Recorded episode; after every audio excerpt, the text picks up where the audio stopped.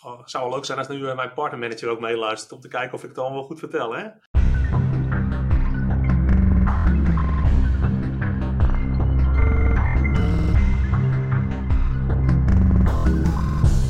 Eén ding, uh, doe allemaal even een klapje.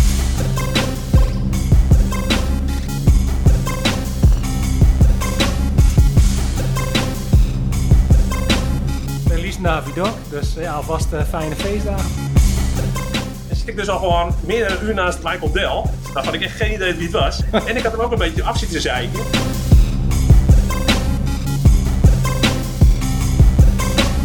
Welkom bij de In de Aap Gelogeerd podcast aflevering 11 met uw host Duncan, Frank en Johan.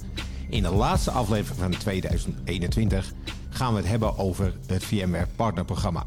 Om dit topic te bespreken hebben we natuurlijk weer een gast uitgenodigd. En niemand anders dan Francisco Perez van der Oort, een van de oprichters van ITQ. Maar voordat we Francisco erbij gaan halen, ben ik benieuwd hoe het met jullie is. Duncan, heb je nog wat moois meegemaakt? Nou, ik wil niet zeggen dat ik iets moois heb meegemaakt, maar uh, ja, we zijn uh, vol in voorbereiding uh, voor de kerst, zoals jullie kunnen zien. Hè?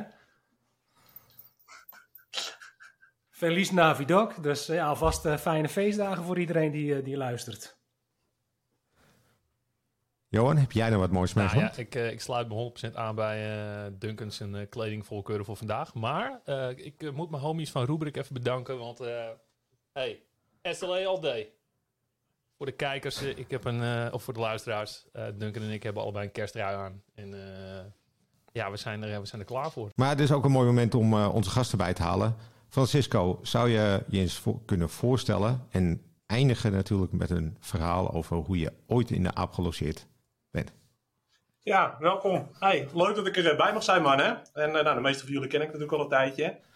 Um, en toen ik hier een beetje over ga nadenken was, Frank, en herinner ik me ook nog wel een paar verhalen die wij hebben gehad samen bij klanten in het verleden. Inderdaad. Mooie tijd. Ja, Francisco, ik ben in uh, 2001 uh, samen met Paul uh, ITQ begonnen. En um, ja, vandaag de dag ben ik verantwoordelijk voor een stukje propositieontwikkeling binnen het bedrijf. Hoe ga je dat vervolgens naar de markt brengen? En hoe loopt zo'n sales cycle dan bij onze klanten? Ja, ik voel me eindverantwoordelijk voor het klantsucces wat we dan creëren bij klanten sinds een jaar of drie, vier doe ik dat. Ik heb vier jaar geleden de beslissing genomen om te stoppen als algemeen eindverantwoordelijk voor ITQ. Wel eigenaar te blijven, maar te zorgen dat er meer leiderschap op leiderschap kwam. dat is toch niet waar mijn, waar mijn energie ligt. Dus dat is mijn rol tegenwoordig. En nou, daar heb ik heel veel, krijg ik heel veel energie van. Vind ik super leuk om te doen. Hey, in de aap gelogeerd, hè. Ik heb best wel veel verhalen, kwam ik achter. Maar heel veel van die verhalen, dan moet je toch een beetje oppassen dat je online niemand helemaal voor, het, voor het blok zet. Dus ik probeer me heel erg bij mezelf te zoeken. En nou, ik heb er wel een leuke, denk ik. Dat, uh, dan moeten we terug naar 2016. En ik was uitgenodigd voor de Partner Leadership Summit van VMware. Waar de top 150, 200 partners van de wereld dan prachtig mooi worden ingevlogen naar een resort. Dat was in dit geval in Arizona. Scottsdale, dat ligt er bij Phoenix. Nou, echt helemaal chic de friemel, helemaal leuk. En ehm, je hebt ook zo'n soort keynote moment van een paar uur. En dan zit je met 200 partners in een relatief kleine zaal met, uh, met, een, mooie, met een mooi podium. En ja, ik was daar eigenlijk zonder andere ITQ'ers, maar ik uh, ontmoette daar Mike Jansen, die uh, tegenwoordig in ons management zit, maar toen de tijd voor Internet Service de CTO was. En we staan zo voor het podium lekker te, ja, te ouwe hoeren met wat VMware executives. En een dame die verantwoordelijk was voor, voor commercial in het partner ecosysteem. En op een gegeven moment komt daar een mannetje aan. En nou, net als ik niet helemaal top gekleed. Hè, iedereen staat natuurlijk strak in pak. Nou, dat doe ik allemaal niet zo aan, maar hij ook niet. Hij heeft een zwart brilletje en hij, ja, hij loopt gewoon ons gesprek in. Hij begint die dame te kussen en hij neemt dat hele gesprek over. En Mike en ik kijken elkaar aan van, ja, wie ben jij man? En die Mike die zegt het over, we zijn hier in gesprek hoor. Ik weet niet precies wat jij ervan denkt. En ik kijk ook een beetje half zagrijnig. En nou, ja, dat, dat valt een beetje uit elkaar. En we gaan zo op die voorste rij naast elkaar zitten. En die man die gaat naast me zitten. En hij is ook heel moeilijk aan het doen met zijn telefoon, met zijn oog voor dingen en zo. En af en toe geeft hij me een klopje en begint hij te lachen. En ik denk, ja, wie is dat, wie is dat eigenlijk, joh? En Pat Kelsinger, Pat Kelsinger zit op het podium en die te vertellen over de overname van, uh, van Dell natuurlijk, uh, van EMC. En uh, nou, nou, zoals Pat dat kan, jullie kunnen natuurlijk ook. Best wel op een leuke manier grappig. Die groep was ook niet zo groot. En die kerel naast me, die sloeg me af en toe op mijn schouder en ha, ha, hi. En ik, ik denk, joh, en ik denk, wat moet je nou eigenlijk? Ik, weet niet, het ging niet helemaal vanzelf. En op een gegeven moment zegt uh, Pet Kelsinger, nou, uh, ik ben heel erg blij dat uh, nou, de, de founder van Dell Technologies vanochtend het vliegtuig heeft genomen uit Texas om bij ons op podium te kunnen zitten. En die kerel naast me, die staat op. En zit ik dus al gewoon meer dan een uur naast Michael Dell, waarvan ik echt geen idee wie het was. En ik had hem ook een beetje af zitten zeiken. Dus ja, dat was... Maar hij zit dus op dat podium zijn ding te doen. En hij komt ook op een gegeven moment terug naar drie kwartier en zegt tegen mij van... en deed ik het goed? En ik, ik zeg tegen hem, ik had echt geen idee wie hij was. Hij zegt, ja, dat had ik door. Je komt zeker uit Europa, of niet? Nou, dat vond ik echt fantastisch. En um, voor de rest geen enkele relatie met die man opgebouwd. Mike heeft nog wel stiekem een selfie genomen tijdens, uh, tijdens het gesprek. Maar uh, nou, dat was denk ik wel redelijk in de aap gelost. Prachtig, prachtig. Ja, ik onderbrak je per ongeluk, omdat ik getriggerd werd door, die, uh, door dat moment dat je zei van ja, ik ben op een gegeven moment een beetje afgestapt van, van dat leadership. Maar je bent ja. ooit begonnen met met ITQ op te richten. Dus dan begin je wel als, als leader en zo. Dus waarom ben je eigenlijk ITQ begonnen? Ja. Dat is je doel. Ja. Ja, dat is ook wel een beetje de schuld van mijn compagnon hoor. Ik denk wel dat, uh, dat ik altijd al wel iets in mezelf had gehad dat ik ondernemer wou worden. Maar uh, ik was... Uh, kijk, Paul en ik die werken al samen sinds dat ik 18 ben. Ik ben vanaf mijn 18 de IT ingerold. Paul was direct mijn leidinggevende. Samen bij twee, drie bedrijfjes gewerkt. En we waren projecten aan het doen bij verzekeraars. En wat we merkten bij, de, bij het bedrijf waar we zaten, wat wel echt een mooi bedrijf was en daar gebeurden echt goede dingen, is dat je eigenlijk twee soorten, soorten personen. Hè? Je had uh, mensen die bij klanten zaten veel uren moesten maken, want uh, die waren gewoon goed, die moesten geld verdienen. Ik ben ook wel goed voor gecompenseerd hoor, maar er was weinig ruimte voor ontwikkeling.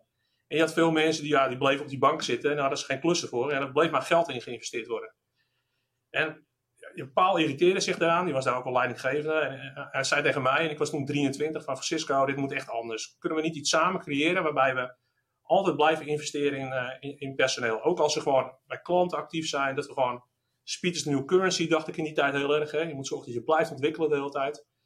Ja, zo is dat idee ontstaan dat Paul zei, ja, kunnen we niet samen iets gaan beginnen waarbij we permanent investeren in consultants. En um, nou, zo toen was ik 324 zijn we ITQ begonnen en uh, zijn we ja, begonnen met een ploeg consultants om ons heen te verzamelen waar we ja, permanent in wouden investeren. Ja, okay.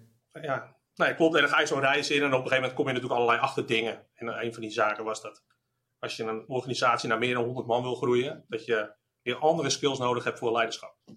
Dus dat is dan de reden geweest dat ik op een gegeven moment heb gezegd van nou, voor mij moeten we op zoek naar een CEO die, die daar heel veel energie van krijgt. Ja. En je zei dus al dat je nu verantwoordelijk bent voor klantsucces. Maar wat betekent dat dan, klantsucces? Ja, daar is een hele pakken boek over geschreven. En, uh, ja, kijk, wij hebben dat als ITQ vertaald naar een aantal plekken in het bedrijf. En ik geloof heel erg dat je moet, uh, je moet met z'n allen leven naar het, naar het klantsucces. Dus als je over compensatiemodellen praat of als je keuzes voor klanten moet maken, wat is het best voor ze, dan moet die klant voorop staan. En wij hebben het een beetje verdeeld over een aantal, op een aantal plekken. Ten eerste, uh, 80% van onze business is gewoon consultancy. Dat betekent uiteindelijk dat een individu of een groepje individuen bij een klant iets probeert te bereiken. Uh, en uh, los van het feit dat we moeten zorgen met elkaar dat die uh, technisch goed onderlegd zijn en de, de, juiste capabilities hebben en dat ze echt gedreven worden door technologie, moeten ze, moeten ze ook de intrinsieke motivatie hebben om klanten succesvol te maken.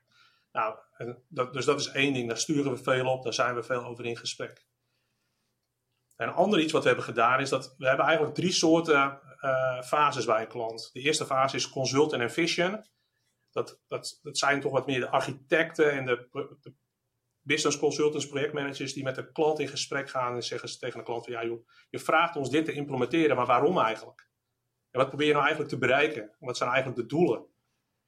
Waardoor we veel beter een definition of done kunnen maken voor iets wat we aan het doen zijn, zodat de kans dat het succesvol wordt ook veel groter is.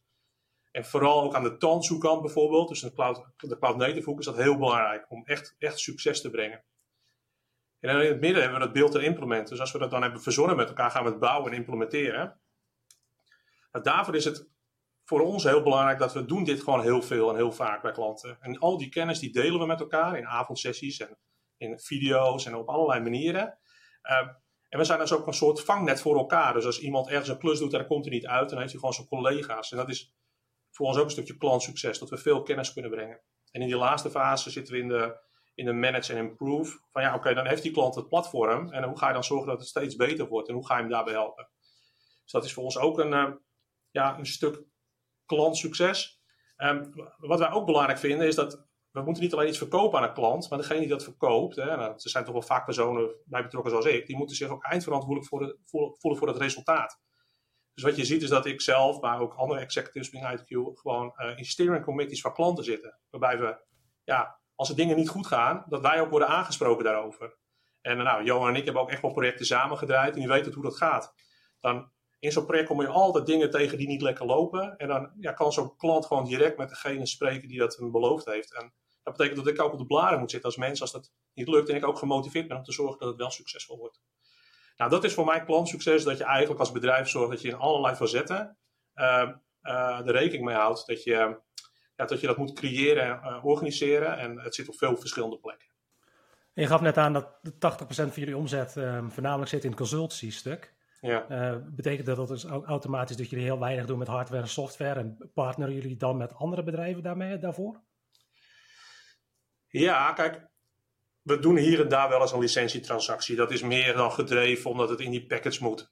Uh, dat is niet wat ons primair drijft. Uh, ik merk wel dat het steeds meer aan ons gevraagd wordt. Dus dat gebeurt wel. Uh, hardware doen we sowieso niet. Um, maar um, wat we zagen in de reis, dat we alleen maar consultancy deden. Dat er steeds meer klanten kwamen die zeiden, ja, we hebben nu zulke ingewikkelde platformen gecreëerd met elkaar. Um, zou je ook een stukje van het beheer voor je rekening willen nemen. Dus het grootste deel van die buiten de 80% omzet zit uh, aan de kant van een stukje managed service dienstverlening. Uh, en we hebben wel iets van 15 of 20 klanten die ook echt support bij ons afnemen. Waarbij wij 24 keer 7 hun infrastructuur supporten op het moment dat er problemen zijn. Um, dus daar zit die andere 20%. Uh, zijn wij wel heel sterk hoor in partner to partner. Wij doen, ik durf niet te zeggen of dat nou 30 of 35% is, maar wij doen wel vrij veel van onze omzet samen met andere partners. Uh, volgens mij hebben jullie ooit eens een keuze gemaakt om 100% voor, uh, voor VMware te gaan. Voor ja. VMware technologie te gaan. Terwijl jullie een consultancybedrijf zijn. Kun je uitleggen waarom je voor die keuze bent gegaan? Dat is eigenlijk wel een leuk verhaal. Dus ehm, ik vertelde net, we zijn in 2001 begonnen. wat we gingen doen is gewoon mensen om ons heen verzamelen waar wij um, succes naar klanten gingen brengen, maar we hadden niet echt een keuze. Dus we uh, Microsoft mensen in dienst, VMware, we hadden softwareontwikkelaars, we hadden een heleboel ethical hackers. In een vorige podcast hebben jullie daar iemand over gesproken. Um, we hadden zelf softwareproducten ontwikkeld, waar we die we in licentie uitgaven. Eigenlijk was het een beetje een ratje toe van van alles. En ergens, um, ik ben begonnen in IT toen ik 18 was, dus ik had niet gestudeerd. Dus ergens om mijn 27, 28ste ben ik gaan studeren. Eh, eerst een bedrijfskundige opleiding. En um, een bachelor. Toen kwam ik achter dat mijn Engels echt slecht was. Dus toen ben ik ook wel Engels gaan studeren. Dat is nog steeds niet fantastisch, maar het gaat iets beter. En um, toen heb ik ook nog iets met een master gedaan. En in die reis kwam ik er wel achter dat uh, een van onze grote challenges is wel dat als je echt trots wil zijn, moet je wat keuzes gaan maken. Dus in die reis uh, veel met Paul overlegd gezegd, nou laten we al die activiteiten die we doen, die eigenlijk niet bij consultancy horen, afstoten en uh, spin-offen. En laten we nou iets zoeken waar we echt trots op kunnen zijn. En waar we echt ja, een label aan kunnen hangen. En in die tijd werkte Stef Koopman bij ons. Die was partnermanager bij VMware. Die is bij ons in dienst gekomen. Na een jaar dacht hij, nou, ik wil toch terug naar VMware. En die werd onze partnermanager daar. En die bracht mij in gesprek met Carl Eschenbach. Nou, wellicht dat een aantal luisteraars niet weten wie dat is. Maar die was in die tijd volgens mij de president en operationeel directeur van VMware. Um, en die, ja, die was op Schiphol en ik was met hem in contact gebracht. En die vertelde van, joh, onze visie voor de komende tien jaar is uh, One Cloud, Any App, Any Device. Nou, dat One Cloud werd Any Cloud ergens in de reis, maar um, de visie vond ik echt heel sterk. Je, je hebt gewoon infrastructuur nodig, uh, dat moet er gewoon zijn, dat wil je consumeren, daarop wil je apps uh, laten landen, met devices wil je erbij komen om die te kunnen, kunnen gebruiken. En ik merkte ook dat, dat, dat waren de gesprekken die ik ook met klanten had. Um, dus daar hebben we toen tegen elkaar gezegd, joh, laten we gewoon voor die um, voor die VMware-visie gaan en laten we die helemaal embracen. En laat nou eens de missie zijn om het beste consultancybedrijf van Europa te worden. Dat is hoe we ergens in 2014 die reis aangegaan. En kijk, vandaag hebben we best wel veel awards gewonnen, een stuk of eh, twintig. Uh, zowel uh, in de regio als in de media als global. En daar ben ik natuurlijk heel trots op. Maar die begin van die reis die was niet zo heel erg lekker. Dus dat heeft best wel veel pijn gedaan. Er zijn natuurlijk een aantal mensen die begrepen dat niet. Die waren gewend om een stukje detachering te doen of in een andere kennishoek. Um, daarbij hebben we ook nog gezegd, joh, eigenlijk willen we die softwareontwikkelaars die redelijk Microsoft gefocust waren, willen we graag bij het bedrijf houden. Want wij denken juist dat die combinatie heel sterk wordt in de toekomst. Maar er staat veel visie in en nog weinig realiteit. En ja, dat was toen best wel een bumpy ride. Um, maar zo, ja, zo hebben we die keuze gemaakt om dedicated voor VMware te gaan. En ja, vandaag de dag legt ons dat geen windeieren, maar het is best wel een stevige reis geweest. Zo, uh, veel visie, weinig realiteit. Dat is natuurlijk uh, best wel een interessante, interessante uitspraak. Ja. Um, dat, op een gegeven moment wordt dat werkelijkheid. En ja. dat, dat levert dan voordelen naar klanten op. Um, dat levert ook nadelen op. Zeker. Ja. Wil je, wil je er een paar bespreken? Of zeg je, nou, ik wil, de, ik wil de vuile was niet buiten hangen? ja, kijk. Aan de voordelenkant is natuurlijk dat je gewoon over die, over die hele technologie stack van VMware, en die is, die is gewoon breed, hè? dus die, uh, je kan gewoon veel oplossen voor een klant. Heb je ook gewoon heel veel kennis. Um, en uh, kijk, ik ben er nooit een groot voorstander van geweest. En ik kan me nog herinneren, Frank, dat wij bij een verzekeraar met elkaar aan het discussiëren waren. RTO, RPO 0, twee datacenters. Hoe ga je storage combineren met networking over compute heen? En dan was je allemaal vendoren aan elkaar aan het plakken. En daar was ik al nooit zo'n fan van. Want dan dacht ik bij mezelf, ja, we betalen veel geld aan die vendoren. Waarom lossen zij onze problemen niet op? Hm. En dat is, dat is ergens in die reis door VMware wel gedaan. Hè? Dus die hebben zelf storage oplossingen verzonnen, zelf network oplossingen, zelf de compute gecombineerd. Dus het grote voordeel van klanten ervan overtuigen dat je met één partij een bepaald deel moet oplossen, zodat die vendor gedreven wordt om jouw problemen op te lossen, daar geloof ik echt in en daar zijn we ook heel succesvol mee. Het was aan het begin natuurlijk, zaten daar nog wat, wat hobbels in, maar die zijn echt opgelost. Um, maar dat was, dat was wel even een ingewikkelde reis. Uh, dus dat is het hele grote voordeel. Het grote nadeel is natuurlijk voor ons dat uh, als VMware iets doet wat niet handig is, dan hebben wij, ja, dan, gaat het ook over ons. Dan, we, we, zitten samen in die wedstrijd. Dan zijn we onafhankelijk, dus we kunnen klanten daar wel in meenemen. Uh, veiliger dan een VMware-medewerker dat zelf kan. Maar uiteindelijk ben je toch met die klant bezig op, op basis van jouw advies. Dat is een nadeel. En een ander nadeel is wel als de klant heeft gekozen voor een stukje van die stack niet op te lossen met VMware dat je, dat je altijd wel een soort van een rare positie hebt bij die klant. Uh, ik moet zeggen, dat was aan het begin een groter probleem dan nu. We merken dat het eigenlijk steeds minder een discussie wordt. Ja, ik kan me voorstellen dat dat wel beperkingen oplegt. Ik bedoel, ik heb dat zelf in het verleden natuurlijk bij Activity meegemaakt.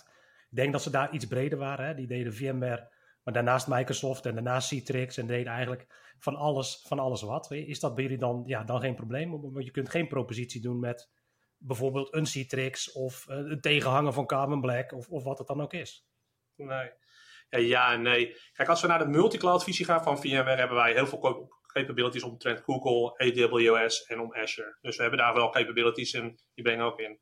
Aan de cloud native kant zijn wij heel sterk op Microsoft. We hebben heel veel .NET Uh, dus, dus, dat, dus dat werkt ook. Als we nou bijvoorbeeld over Johan praten, die natuurlijk heel erg actief is met uh, de hele digital workspace journey, dan hebben we natuurlijk ook gewoon veel verstand van producten die daaromheen zitten. Maar uh, en wij, wij helpen klanten ook echt wel met bijvoorbeeld de Citrix layer op VMware. Dat, dat, daar doen we ook echt dingen mee. Um, wat ik alleen wel met zo'n klanten altijd probeer te bespreken. Als je ergens in die lifecycle keuzes moet maken, zou ik proberen dat naar één vendor te brengen. Um, maar ja, je ziet wel bij bepaalde, bepaalde andere platformen dat je dan toch wel onder druk staat. En ook uh, in zo'n klantgesprek uh, last begint te krijgen van vendor lovers onderling. Hè?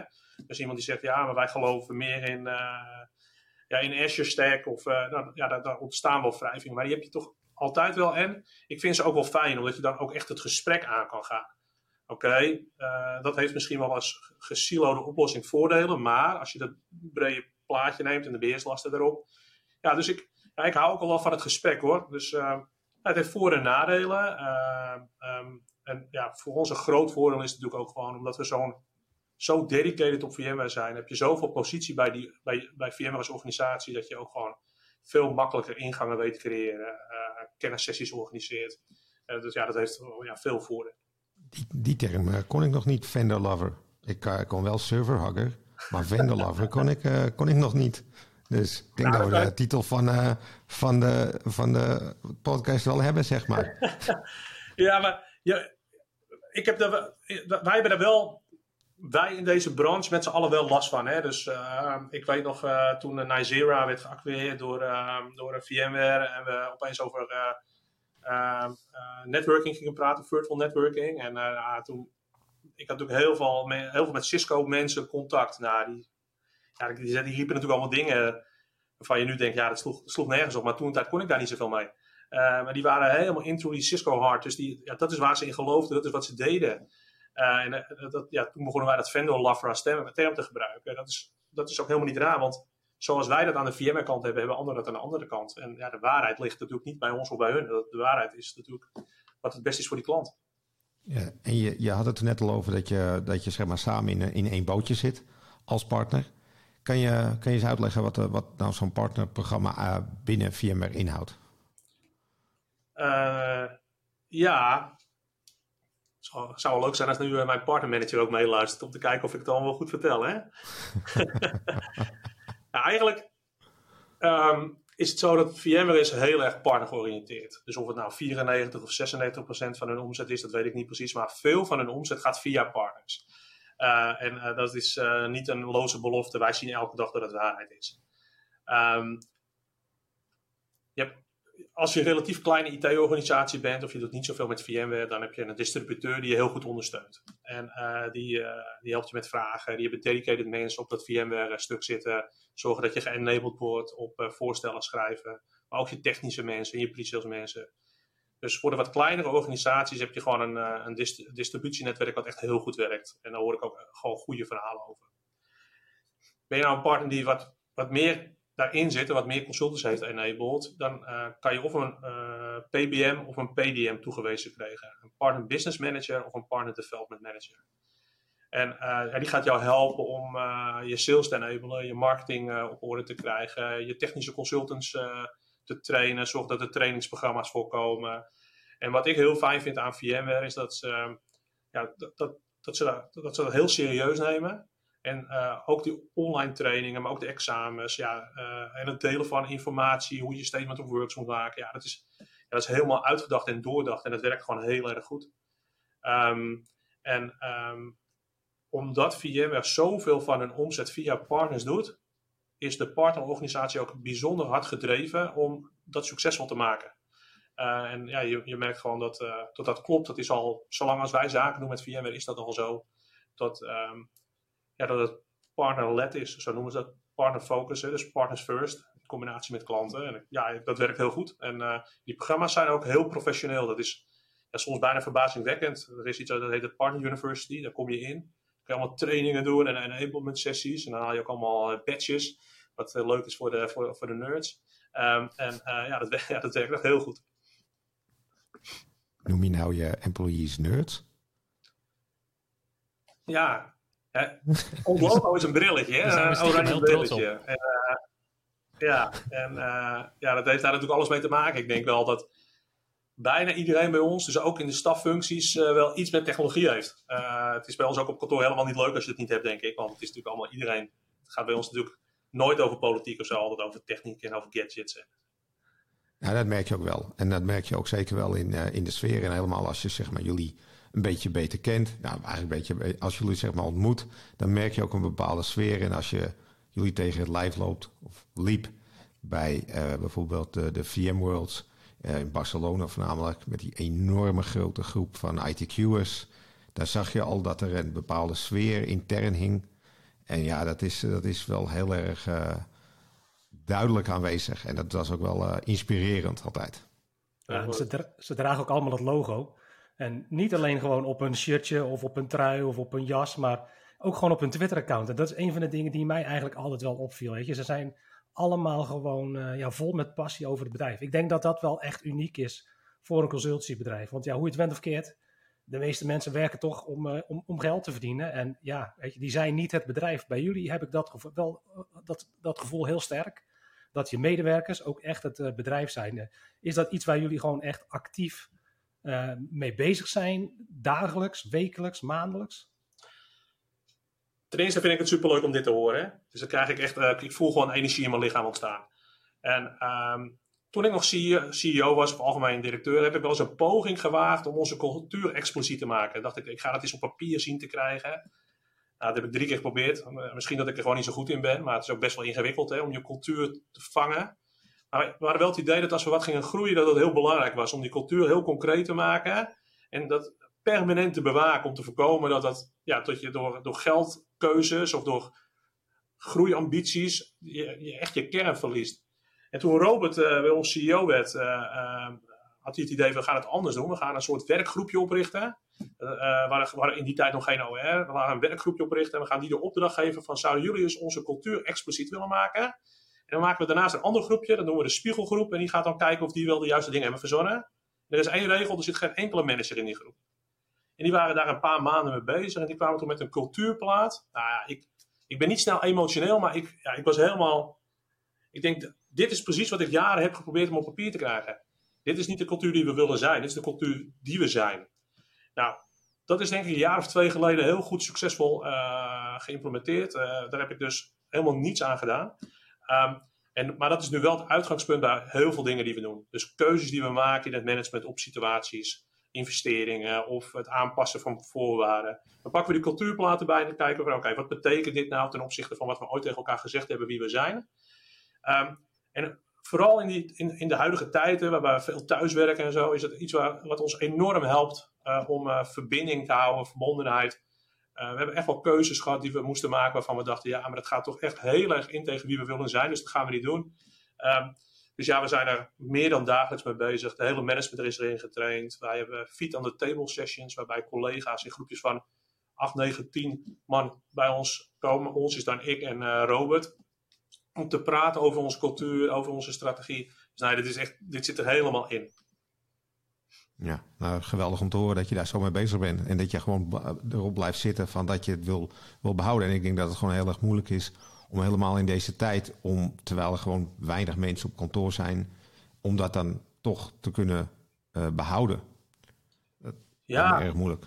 Ja, is ook zo. Ook een grote zorg. Kijk, ik, uh, ik ben een gelukkig uh, man met drie dochters en met mijn vrouw en ik woon vrij ruim. En ik heb het, ik heb het, ik heb het hier leuk, hè. Maar ja, er zijn natuurlijk ook uh, collega's die uh, komen net van school of uh, wonen alleen. En ja, het, ik, heb, ik vind het wel een ingewikkelde tijd geweest, vooral voor anderen. En hoe ga je dan geconnect blijven? Nou, en ik denk dat, ik moet eerlijk zeggen, dat ik zelf actief niet zo heel veel in gedaan. Veel collega's hebben dat ook opgepakt met elkaar. Met meer sessies online met elkaar, toch wel om de week. toch wat meer op kantoor proberen af te spreken, elkaar goed in de gaten te houden. En ik, ja, ik ben toch wel trots op het team hoe ze dat dan weer met elkaar allemaal zo ja, voor elkaar hebben gebokst. Ja. Je had het ook over dat jullie enorm veel prijzen hadden gewonnen. Volgens mij zei iets over 20 prijzen in Nederland en in Europa en, en zelfs wereldwijd.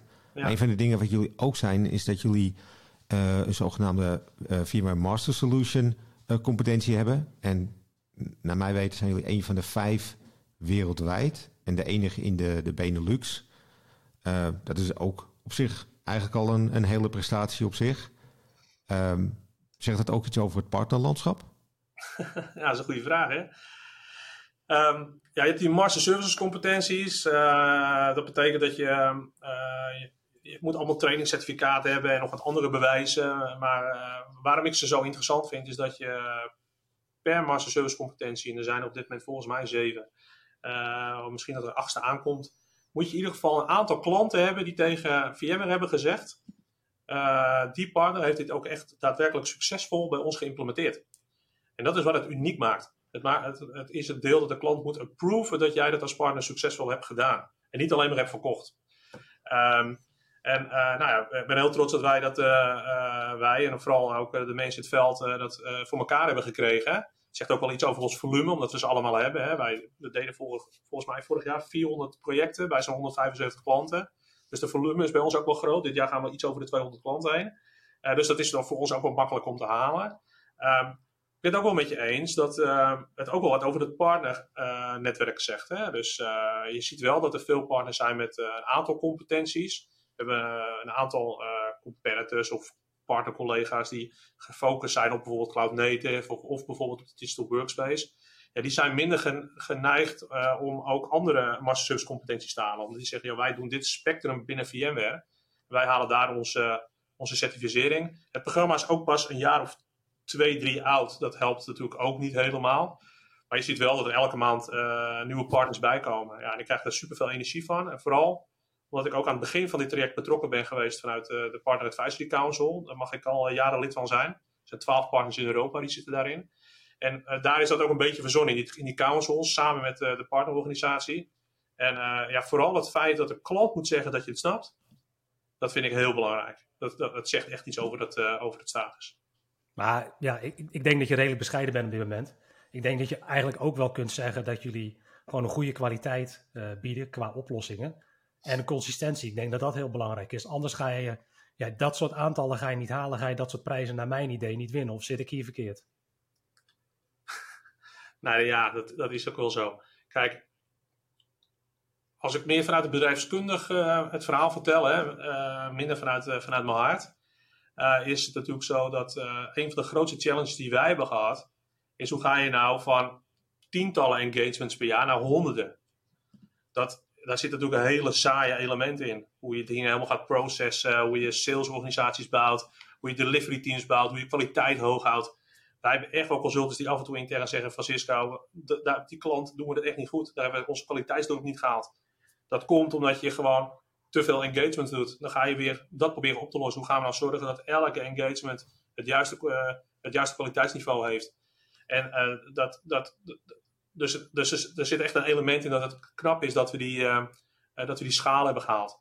Um, maar goed, aan de andere kant zijn we ook Nederlanders, denk ik. En um, ja, het is misschien wel krap, maar we moeten ook gewoon zorgen dat we succes blijven brengen naar klanten. En dan, ja, dit hoort er een beetje bij. Ja, ik denk ook de andere kant is, als je kijkt natuurlijk waar jullie geïnvesteerd hebben. Je hebt bijvoorbeeld ook een x-aantal VCDX'en rondlopen. En je gebruikt natuurlijk ook die, uh, die methodes en de processen die daaraan vastzitten. En dat is iets wat ik bij een aantal andere uh, ja, collega's van jullie ook heb gezien. Hè? Die hebben best wel veel geïnvesteerd in, in, in personeel. Ervoor gezorgd dat mensen opgeleid zijn. Maar ook dat die processen gevolgd worden. Die hebben niet alleen een groep met consultants, maar hebben ook iemand voor die groep met consultants zitten. Ja, die daadwerkelijk iets opzet, uh, die documenten creëert, uh, die ervoor zorgt dat, dat, methode, dat die methode herhaalbaar is. Dus ja, ik denk dat ook wel een stukje van jullie, van jullie kracht is. En dat is misschien ook wel echt iets Nederlands trouwens, om daarvoor te zorgen dat je dat in je proces hebt zitten.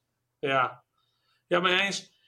Wat, wat wel interessant is, hè, is dat als je er gewoon wat filosofischer naar kijkt, is van ja, wat is dan de impact geweest die ik als persoon daarin heb gebracht, versus hoe mensen dat zelf zijn gaan organiseren. En uh, ik, ik denk dat ik mijn impact niet moet uh, overschatten. Dus wat je ook veel ziet, is dat groepen personen, nou Johan is daar een voorbeeld van, maar er zijn echt wel een aantal anderen bij ons die dan zeggen, joh, laten we avondsessies gaan plannen en kijken wie we allemaal VCDX kunnen gaan maken. En die stoppen er allemaal best wel veel tijd in vanuit een stukje trots om collega's te enablen om samen dat succes te creëren.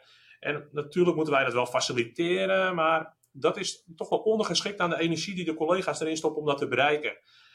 Um, en ik denk, want we hebben nu denk ik vier of vijf VCDX'en. We zijn er helaas drie verloren aan VMware. Uh, maar we hebben er even goed nog wel een stuk of vier, vijf. Uh, ja, dat is, dat, ja, er zijn er wereldwijd 300, weet ik niet. 298 denk ik, 97 of 98. En we hopen uh, deze ja. week, uh, als de, de, podcast is uitgekomen, dat we te horen hebben gekregen dat Maarten Kous, uh, die ook gast is geweest in deze podcast, hem ook heeft gehaald. Want die moet deze ronde voor zijn tweede keer defenden. Ja, het zou wel geweldig zijn als dat lukt. Nou, je had het eigenlijk over het feit dat je, dat je medewerkers elkaar ondersteunen in competenties, om zo competenties te bouwen. Terwijl je eigenlijk daar zelf niet echt een, een, uh, een, een superrol inspeelt. Dat, je, dat denk jij? Ja, nou ja, kijk, je moet het als bedrijf uh, de visie op hebben. Je moet het uh, natuurlijk enablen. je moet er de ruimte voor creëren. we doen er natuurlijk wel veel voor. Maar aan het eind van de dag is het toch een combinatie van individuen die het leuk vinden om daar iets aan te gaan doen. En daar energie en tijd aan te besteden. En collega's die het leuk vinden om anderen te helpen om iets te bereiken het, het, kijk, het consultancyleven is, dat is eigenlijk een beetje, uh, voelt dat heel erg als, gaat een individu iets ergens doen. Een beetje uh, uh, als een eenling. Maar wat, wat ons wel gelukt is, is om daar heel erg veel groepsverband in te creëren. En niet alleen groepsverband, ook heel veel gunnen. Dus ja, ik heb wel eens iemand horen zeggen die bij ons wegging van ja, ik werd overschaduwd door iemand. denk ik, nou, dan heb je gewoon niets van onze cultuur begrepen. Ja, die gaat dit waarschijnlijk horen en die weet dat ik het over hem heb. Maar ehm, dat, dat is niet zo. Je hebt alle ruimte en um, je moet het alleen wel nemen. En uh, ja, je moet ook teruggeven. En uh, ja, dat, dat, vraagt iets van je. Maar ik denk dat de mensen bij ons dat heel goed, uh, ja, goed kunnen, wederzijds. Ja, en dat is best wel een interessant aspect. Dat je, dat je dat binnen je bedrijf zeg maar creëert. Dat, dat community effect binnen het bedrijf van geven en nemen en daar ook zeg maar iedereen tot aanspoort. Maar dat doen jullie ook zeg maar ook buiten het bedrijf. Want jullie zijn ook behoorlijk aanwezig in de firma community. ja. Hoe, van, van waarom doen jullie zoveel daarvoor? Ik denk dat ik het antwoord wel weet, maar ik hoor het graag van jou. Nou, ten eerste denk, vind ik persoonlijk het heel leuk om uh, uh, kennis die ik heb te delen met anderen. Ik krijg gewoon heel veel energie van. En je merkt dat de sfeer binnen het bedrijf ook zo is dat heel veel mensen dat hebben. Hè? Dus wij, we, we, zijn gewoon in de basis een bedrijf die het leuk vindt om te delen. Uh, en ik geloof ook echt dat het leuk is om te doen. maar het heeft natuurlijk ook wel een paar side effects, positieve. Kijk, als je en jullie, Duncan, uh, Frank en Johan ook, zijn natuurlijk het voorbeeld van mensen die blogs schrijven en op podia dingen vertellen. En dus je weet één ding, als de beste in deze, in deze call, dat als je iets gaat vertellen over een onderwerp aan de rest van de wereld, dan moet je ook verdomd zeker zijn dat je snapt waar het over gaat. Dus wat je, wat je, erg, wat je ziet is dat door het delen van je kennis, je ook nog eens gedwongen wordt om het nog beter te snappen. En dat is een soort, ja, ik weet niet of je het zelfvervulling prophecy kan noemen, maar het is een soort van cirkeltje waar je in zit. Van oké, ik heb iets gedeeld met iemand, ik ben er dus nog beter in geworden omdat ik meer onderzoek moest doen. Maar nu wil ik weer het volgende delen. Dus het is een soort, los van dat het leuk is om te delen, ook een, hele sterke leercurveplek. En, uh, en omdat er wat meer collega's zijn die het doen, word je ook sneller aangestoken om het ook te doen. Want we hebben dan volgens mij uh, iets van 30 V-experts. Maar buiten die V-expert rand hebben we ook developers die heel veel kennis delen uh, in hun community. En uh, ook in die Tanzhoek, in die Cloud Datahoek hebben veel mensen die kennis delen. En, nou, zelf schrijf ik ook wel eens een blog over iets. Dus het, het, wordt, het gaat breder. En dat heeft ook nog een ander voordeel, en dat is commercieel. Dus daardoor lukt het ons ook wel om zoveel honderden deals te closen per jaar. Wij krijgen ook toch best wel veel klanten die ons gewoon bellen. Uh, ik weet niet, we kunnen de naam denk ik niet noemen hier al, dat, uh, dat uh, mogen we niet publiek maken. Maar Johan schrijft een boek, we maken dat boek, dat publiceren we. zijn eerste boek, daar zijn we ook heel blij mee dat, dat Johan heeft gezegd, joh, dat vind ik goed dat we dat vanuit ITQ doen. Dan is er een Duits bedrijf, of eigenlijk een beetje Duits-Frans bedrijf, die belt ons, luister, ik heb enkele tienduizend VDI's, dat werkt niet helemaal goed. Kunnen jullie ons helpen om dat succesvol te maken? En dan praat je over een engagement van een paar honderdduizend euro. Dat komt ook door het delen. Dus Kijk, iedereen zegt dat altijd. Hè? Als je deelt, dan ontvang je ook meer. Maar ik denk dat wij het bewijs zijn dat het echt zo is. Als je veel deelt, dan krijg je ook gewoon echt heel veel terug. Zo, uh, om een beetje op het topic van, uh, van de VMUG te blijven en, uh, en via mijn community hebben we begrepen dat er ook dit jaar voor het eerst mogelijkheid was om als implementatiepartner de, de te sponsoren. En naast Fondo was IDQ de, eerste de eerste implementatiesponsor. Wat was uh, jullie uh, reden daarvoor? Ja, nou, ik vind het superleuk om dat te doen met, uh, met de partij als Fondo. Hè, dat eigenlijk een competitor van ons is. Um, en we, zowel zij als wij brengen al jarenlang ook heel veel waarde naar de VMUG. Omdat we natuurlijk altijd wel veel mensen proberen te motiveren om sessies in te schieten en kennis te delen. Um, dus ik denk eigenlijk dat we al stiekem al jarenlang best wel veel, veel investeren in de VMware User Group. Um, op andere plekken in de wereld is het zo dat daar ook uh, implementatiepartners uh, een sponsorrol mogen hebben. Dat was altijd in Nederland niet zo. Dat is denk ik gekomen vanuit een stukje history. Uh, daar heb ik voor de rest niet echt een mening over. Maar sinds dit jaar was het open, dus nou ja, meteen, met, meteen op, opgedoken natuurlijk. ja, leuk als we daar nu ook een stand mogen hebben. Omdat het voordeel van een... Hij gaat helaas dit jaar niet fysiek door. Hopelijk dat we dat ergens van de zomer wel gaan doen. Maar het voordeel van uh, uh, ook echt een sponsor zijn met een boot op de locatie is dat je nog makkelijker connectie maakt met, met technische mensen. Om, ja, gewoon, en klanten natuurlijk ook. Om te praten over wat voor succes hebben wij nou gebracht bij andere klanten. En wij publiceren veel referentie cases en we maken er veel video's over. Maar uiteindelijk wil je toch ook gewoon lekker erover praten en trots kunnen wezen met elkaar. en dat is voor ons de belangrijkste reden om in die VMUG te investeren. Los van het feit dat ik in het fenomeen geloof. Ik denk dat het fantastisch knap is wat daar aan de hand is. Nou, Dunk en eh, Frank, eh, trouwens Johan ook, jullie presenteren ook wereldwijd veel via mijn user groups. Ja, ja ik vind dat, een, dat een, prachtig iets. Ik heb er laatst nog een klein briefje over geschreven naar, naar de VMware Top. Over dat ik vind dat daar blijft slim in geïnvesteerd moet worden. Want ja, het is een heel belangrijke communitygroep voor VMware. Je had het al over brieven schrijven en je had het ook een beetje over, over een blog. Ehm, voordat we afsluiten, waar, waar kunnen onze luisteraars jou, jouw activiteiten en avonturen vinden? Ja, niet meer op Facebook, want daar ben ik sinds een maand mee gestopt. Maar ehm, nou, Twitter natuurlijk, Paris ITQ. op LinkedIn mijn achternaam is Perf van der Oort. Nou, dat is, dat is heel interessant, want daar is er één van in de wereld. Dus daar moet je me ook wel weten te vinden. En anders Francisco in combinatie met ITQ. Eh, ik doe eigenlijk te weinig aan mijn blog op dit moment. Ik eh, ben met een uh, revival ervan bezig samen met iemand anders om te kijken of daar een nieuw leven in kunnen blazen. Dat was eigenlijk altijd heel leuk om te doen. Dat is francisco.nl. En daar vind je ook mijn contactgegevens. Nou, wil je op een of andere manier ergens over sparren? Of ben je benieuwd hoe wij zakelijk dingen hebben aangepakt? Wij delen eigenlijk alles met iedereen. Dus we kunnen geen geheimen. Eh, stuur me gewoon een mail of een LinkedIn bericht. En dan, uh, nou, dan maken we call, share ik uh, slides of whatever. En dan nou ben ik altijd ja, meer dan open om te, iets te delen. Ja, en ik neem aan dat als er luisteraars zijn die voor een bedrijf als ITQ willen werken, dat ze jou ook wel kunnen benaderen. ja, zeker weten.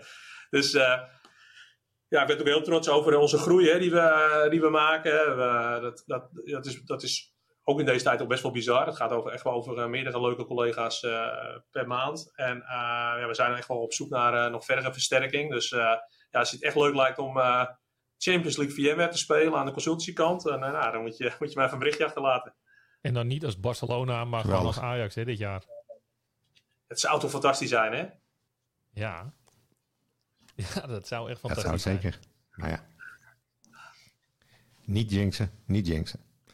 Nou, ik denk dat we aan het einde zijn uh, gekomen van deze aflevering. Iedereen bedankt voor het luisteren en we hopen dat jullie er weer over twee weken bij zijn. Mocht je feedback hebben, dan kun je ons een bericht sturen via Twitter op aapgelogeerd. Ik wil mijn co-host bedanken en uiteraard onze gast van vandaag, Francisco Perez van der Oort. Bedankt en tot de volgende keer.